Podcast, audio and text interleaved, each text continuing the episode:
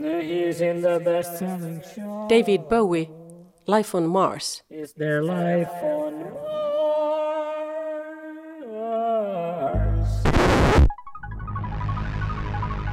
10, 9, 8, ignition sequence start. 5, 4, 3, 2, 1, 0. Quantum leap. Saut quantique. Salto quântico, salto quântico, salto quântico. Kvantismo. Salto quantico. Salto quantico. Salto quantico. Kvanthopp, det du inte visste att du ville veta. Man brukar ju säga att resan är viktigare än målet. Som seglare kan jag bekräfta att det här faktiskt är sant. När du stiger ombord på båten, då är du framme. På samma sätt så kan man också säga att frågan ibland är viktigare än svaret. Utom när man gifter sig förstås och det är prästen som frågar att eh, vill du Marcus, Leonardo, Alibaba, Bruce, Wayne, Rosenlund taga denna och så vidare och så vidare. Då är ju nog svaret viktigare. Men annars så, så är frågan ofta viktigare och mer intressant än svaret. Och nu råkar det ju vara ett faktum att musiken är sprängfylld av stora frågor. Ofta är de retoriska, ofta är de inte avsedda att besvaras överhuvudtaget utan de, de ska liksom bli hängande i luften eller bli kvar och, och spela i våra huvuden. Men det finns också sådana frågor som artisterna och, och låtskrivarna ställer som faktiskt går att besvara vetenskapligt till och med. I det här avsnittet av Kvanthopp ska jag ta mig an några av popmusikens stora frågor och försöka ge dem svar som går att hitta i det som vetenskapen säger oss om livet, universum och allting. Tyvärr får jag inte spela en enda not från de här låtarna i den här podcasten av upphovsrättsliga skäl, men jag kan nynna lite om ni vill. Men jag är ganska säker på att ni känner till de här låtarna. Markus Rosenlund heter jag, välkomna till Kvanthopp och musikens obesvarade frågor.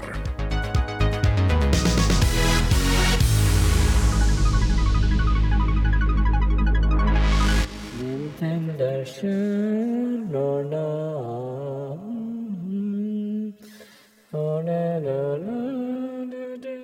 Eva Dahlgren, Vem tänder stjärnorna? Eh, det här är faktiskt ganska lätt att besvara. Det är en liten uppvärmare kan vi säga. Fast det är inte vem, utan vad som tänder stjärnorna. Eh, det som får en stjärna att tändas är gravitationen, eller tyngdkraften. Samma kraft som fick äpplet att falla ner på Isaac Newtons huvud, om man får tro den gamla legenden. Eh, då ett stort moln av vätgas i rymden börjar dra sig samman på grund av gravitationen, då, då komprimeras den här gasen. Till slut har tyngdkraften fått gasen att bilda ett stort klot. Är klotet tillräckligt stort så blir trycket i klotets mitt så stort att de enskilda väteatomerna börjar slås samman. Det här kallas vätefusion. Vete det är ett intressant grundämne. Det, det är alltså det lättaste av alla grundämnen, det mest grundläggande. När två väteatomer slås ihop så bildas en heliumatom, eh, det näst lättaste grundämnet. Och dessutom bildas det en massa energi i processen. Eh, det är den här energin som får kärnan att börja lysa. Och som sammanfattning alltså, kärnan tänds då trycket i dess hjärta blir tillräckligt stort för att starta vätefusionen.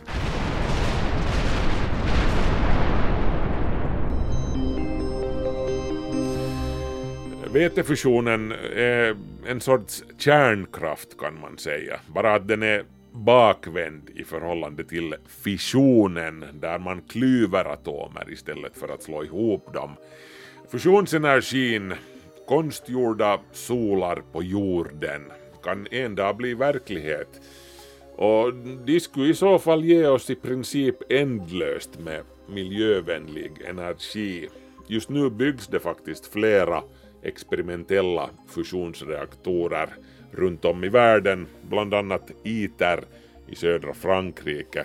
Också i Kina satsar man hårt på den här teknologin just nu. Eftersom vi här på jorden inte kan återskapa det här enorma trycket som råder inuti solen så får vi höja på temperaturen istället i de här reaktorerna. I Kina har man nått temperaturer på mer än 100 miljoner grader Celsius. Problemet hittills har ändå varit det att man inte har lyckats få reaktorerna att gå för egen maskin så att säga. Att hålla den här fusionslågan brinnande utan att man pumpar in energi utifrån. Det här skulle kräva temperaturer på uppemot 150 miljoner grader Celsius. De flesta experterna är ändå ense om att det egentligen bara är en fråga om när, inte om, den första konstgjorda kärnan tänds på jorden. Vi tar nästa fråga.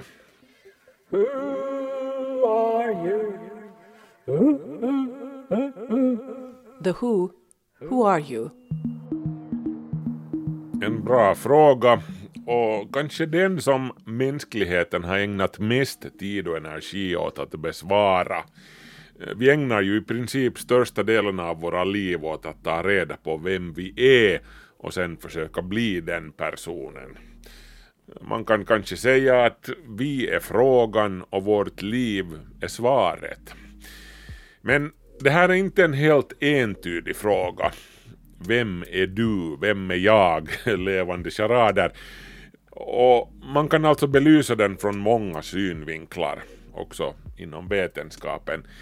Den kanske viktigaste, om man frågar mig, är den som definierar själva begreppet du, ditt medvetande. Vad är det? Var i hjärnan finns medvetandet exakt? Hur uppstår det? Innan vi går närmare in på det eh, kan vi alla vara överens om att din hjärna är lika med du. Poeterna och låtskrivarna går ju på om hur viktigt hjärtat är. Nå, visst är ju hjärtat viktigt för vår överlevnad, men låt oss vara ärliga nu. Byt ut ditt hjärta, fast mot ett grishjärta. Det lär ska bli möjligt inom den nära framtiden. Och du kommer ändå att vara du. Byter du däremot ut din hjärna mot en grishjärna så kommer du att vara en gris. Men också om vi är överens om att du finns i din hjärna så återstår ännu många frågor här. Var i hjärnan finns alltså medvetandet? Hur uppstår det? Och det här är faktiskt en av de stora olösta frågorna som vetenskapen brottas med numera. Hjärnan har liksom varit så upptagen med att studera den omgivande världen att den inte riktigt har hunnit studera sig själv ordentligt. Hjärnan är också upptagen med mycket annat än medvetandet. Som en hjärnforskare uttryckte det, du är bara en av de många, många saker som din hjärna gör. Du må sova, men din hjärna sover aldrig helt och hållet. Den är aktiv hela tiden på ett eller annat sätt. Och den där myten om att människan bara skulle använda 10% av sin totala hjärnkapacitet, tro inte på den. Vi använder nog de facto hela vår hjärnkapacitet. Men poängen är alltså den att du bara är medveten om en pytteliten del av allt som pågår där inne. Och den biten kallar du sedan jag.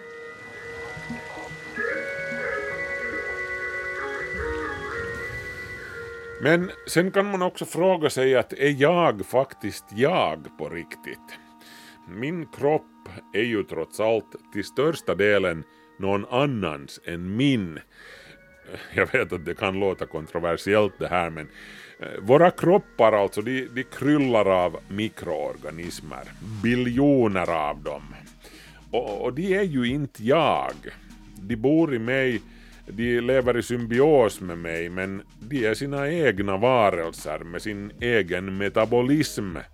Eh, faktum är att de främmande cellerna är en överlägsen majoritet i min kropp. Det finns tio av deras celler mot en av mina faktiskt. Tänk på det. Eh, däremot så, så är de främmande cellerna, mikroorganismerna alltså, så små att de bara utgör 1-3 procent av min totala massa. Så i det avseendet så är det fortfarande jag som leder vad jag nu sedan egentligen är. Eller vem. David Bowie, Life on Mars. Is there life on Mars?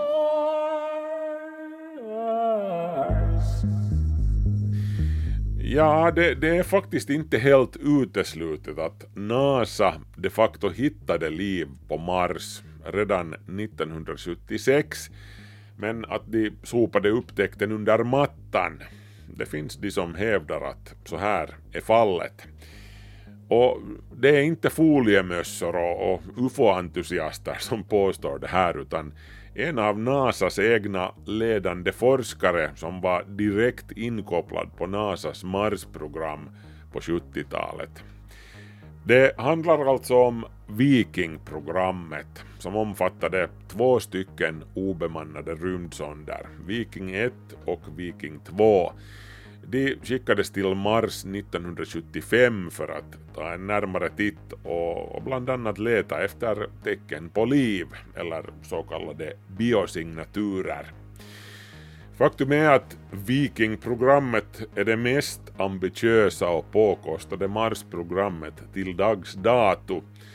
NASAs Viking-expeditioner var mycket framgångsrika överlag och faktum är att Viking 1 och 2 stod för så gott som all den samlade detaljerade information som vi hade om Mars ända fram till slutet av 1990-talet och början av 2000-talet. Eh, båda expeditionerna bestod dels av en satellit som parkerades i omloppsbana kring Mars där de fotograferade planetens yta och, och sen dels så fungerade de som kommunikationslänk mellan jorden och de landare som sattes ner på själva planetens yta.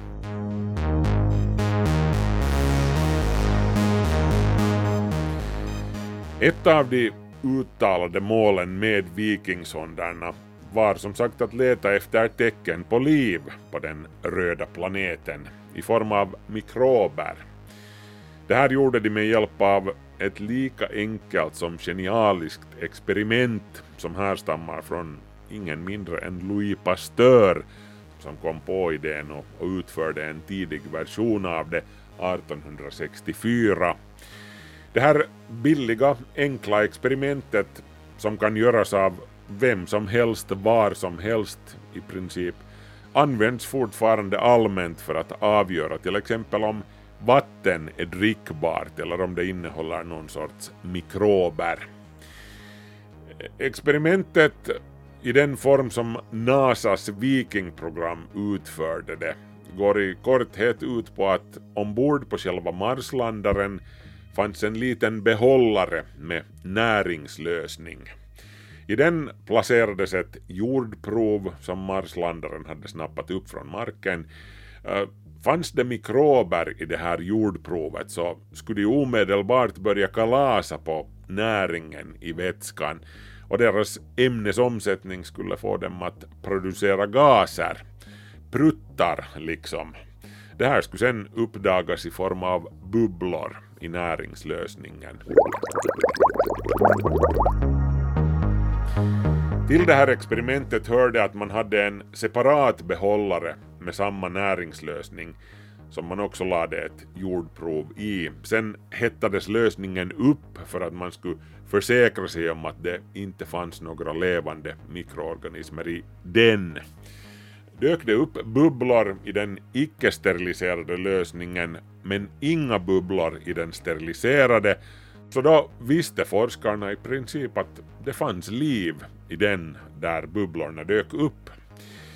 Och grejen är alltså att bägge vikinglandarna gjorde det här experimentet, inte en gång utan upprepade gånger.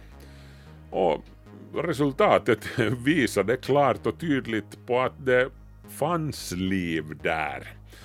Eller åtminstone så blev det bubblor i den här behållaren med näringslösning. Eh, Gilbert Levin, så heter alltså forskaren som var ledande vetenskapsman för Vikingprogrammet.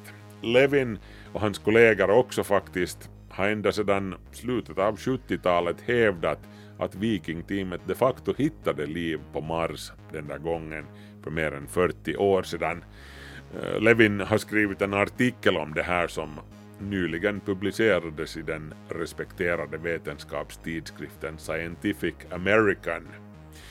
Där lägger Levin ut texten om att NASA gjorde bort sig, inte bara genom att mer eller mindre sopa vikinglandarnas resultat under mattan, utan också genom att aldrig följa upp experimentet med fler undersökningar. Inte en enda av de landare som har skickats till Mars sedan 70-talet, inklusive rovern Curiosity, har haft ett motsvarande experiment ombord. Varför det då, kan man ju undra. Nå, ingen vet exakt. Eh, inte heller NASAs nästa Marslandare Perseverance som ska landa på Mars 2021 innehåller ett experiment med just det här syftet, att följa upp vikingsondarnas fynd. Och det här kan i värsta fall, i teorin åtminstone, visa sig vara ödesdigert för framtida mänskliga besökare på Mars. Om där finns mikrober vars existens de inte är medvetna om. Mikrober som dessutom visar sig vara skadliga för människor som de sen dessutom tar med sig hem när de återvänder till jorden. Hur som helst, om det skulle visa sig ligga någonting bakom det här, att NASA faktiskt hittade liv på Mars redan 1976 och därmed svarade på David Bowies fråga bara fem år efter att han ställde den, så skulle ju det livet ironiskt nog sannolikt vara ganska så nära besläktat med det jordiska livet. Våra planeter har utväxlat spott upprepade gånger längs med årmiljarderna, om vi säger så, i form av stenar som har flugit hit och dit fram och tillbaka mellan planeterna. Eh, det är inte ens helt uteslutet att det jordiska livet har sitt ursprung på Mars, som ju i solsystemets tidiga barndom sannolikt var en betydligt vänligare plats för livet att utvecklas än jorden. Och från Mars kan det sedan ha hoppat till jorden på kringflygande meteoriter. Vi vet att det finns mikrober som klarar av långa tider i rymdens vakuum. Och tillbaka igen till Mars. Vem vet alltså? Men svaret på frågan om liv på Mars måste alltså bli ett rungande kanske.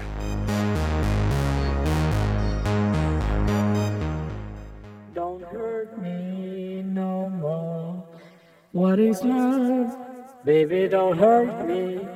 Don't hurt me no more. Hadaway, what is love?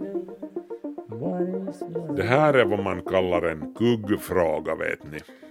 Det finns inget rätt svar på den på riktigt. Eller så finns det 7 miljarder rätta svar på den. Hur som helst så räcker inte vår tid till för att gå in i det här träsket. Eh, istället så tar jag mig friheten att tolka Hadaways verkliga syfte bakom den här frågan. Jag gissar med andra ord att Hathaway på riktigt undrade vad förälskelse är. Love kan ju också betyda förälskelse. I korthet så går det alltså ut på att då vi blir förälskade, när vi blir attraherade till någon fysiskt, då börjar kroppen pumpa ut en kraftig cocktail av signalsubstanserna dopamin, noradrenalin och serotonin. De här har en lång rad olika funktioner. Dopamin till exempel förekommer i kroppens system för att reglera motorik, eh, vakenhet, glädje, entusiasm och uppmärksamhet. Eh, dopamin ingår också i kroppens belöningssystem, alltså det som får oss att känna att nu går det bra. Och just det här belöningssystemet utnyttjas också av en lång rad välkända droger som till exempel kokain och amfetamin. De ökar på halten av dopamin i blodet genom att de minskar på dess nedbrytning. Det är därför som kokain är en partydrog. Plötsligt är du Don Juan, Stålmannen och Ricky Martin i en och samma kropp. Låter inte det här lite som att vara kär det här? Jag träffade henne igår, hon är så perfekt för mig och vi ska gifta oss på söndag och så ska vi skaffa elva barn och vi kommer aldrig att vara isär en endaste en minut. Det låter ju som att vara drogad, eller hur? Och, och det är ju exakt vad det är på grund av att det i praktiken handlar om samma sak. Att vara hög på narkotiska substanser. Bara att det i det här fallet är sådana substanser som din egen kropp producerar. Du behöver inte gå till någon skum typ på hörnet för att få dem. Eh, dopaminet orsakar lyckoruset, noradrenalinet gör att du har svårt att sova och tappar matlusten, medan serotoninet gör att du inte kan tänka på någon annan än henne eller honom. Men precis som med kokain och andra droger så vänjer sig kroppen med tiden vid kemikalierna och förr eller senare så biter inte kärleksknarket längre. Sisådär 18 månader kan det hålla i sig maximalt men sen så märker vi att aja, inte var han eller hon sen heller så snygg som vi tyckte från början. Och vitsarna är nu inte så roliga längre och, och, och vad det här nu sen ändå också ett misstag kanske. Men i bästa fall så har vi i det här skedet när ångorna lättar eh, övergått till nästa fas som snarare är någon sorts partnerskap där vi accepterar den andras små skavanker. Eh, då har vi sovit ruset av oss och då är det förnuft och eftertänksamhet som gäller. I bästa fall, som sagt. Och vi går vidare. Följande fråga. Who wants to live forever? Queen, who wants to live forever. Who wants to live forever?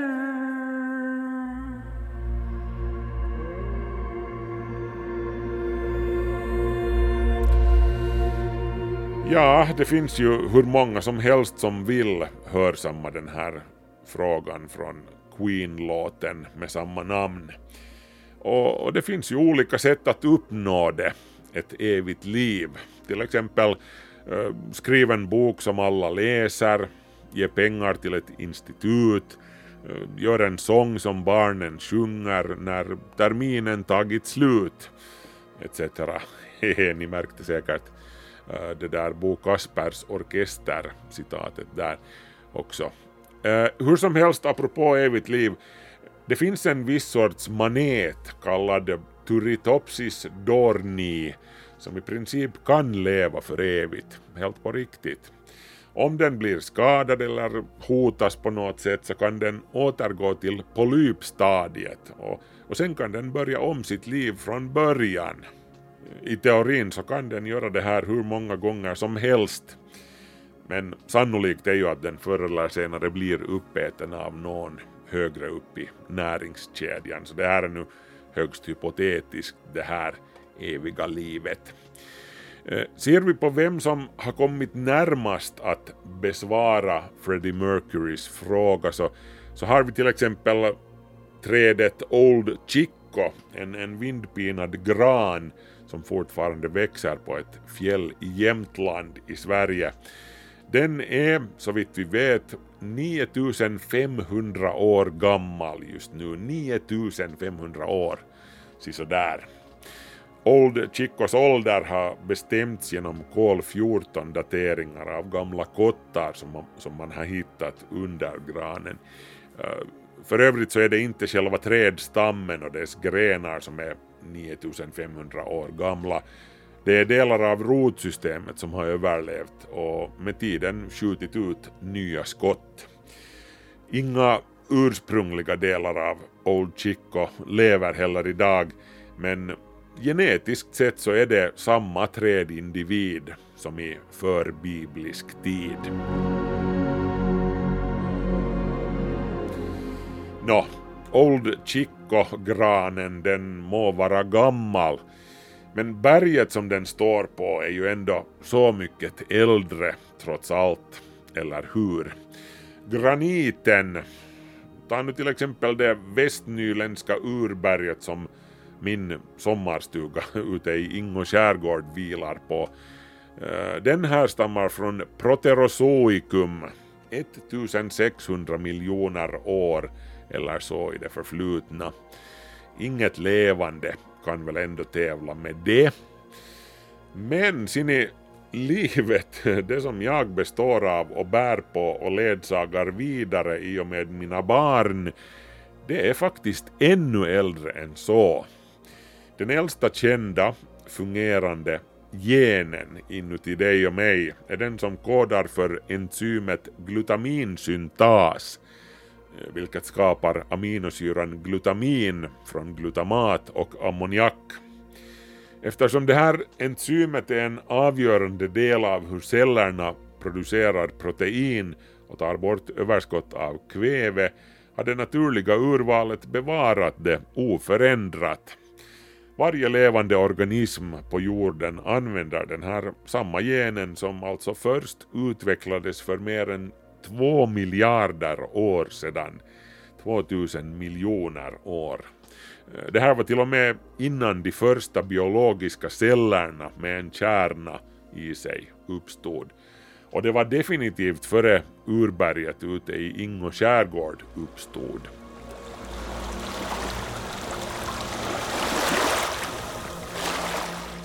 Hur som helst så är livets stafettpinne här på jorden äldre än den äldsta genen. Jorden tog form för cirka 4,5 miljarder år sedan och de äldsta bekräftade spåren av liv här är 3,7 miljarder år gamla. Det är 3700 miljoner år. Vissa menar att livet kan vara ännu äldre än så, 4,1 miljarder år till och med. Och om inte det är att leva för evigt. Bara att vara en del av den kedjan så vet jag inte vad som är det. Så att hälsningar bara till molnkanten där som Freddie Mercury sitter och dinglar med benen.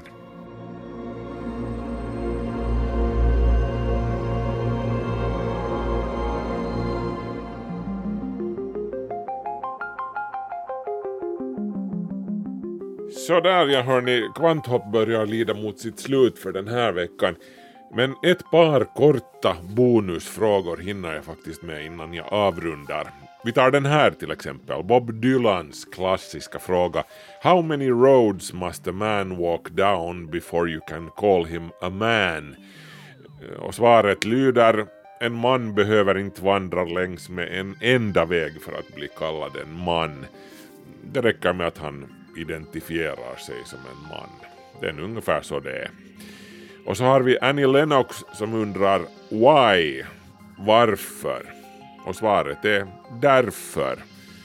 Ibland är det just så enkelt. Det som kan hävdas utan bevis kan avfärdas utan bevis, sade Christopher Hitchens.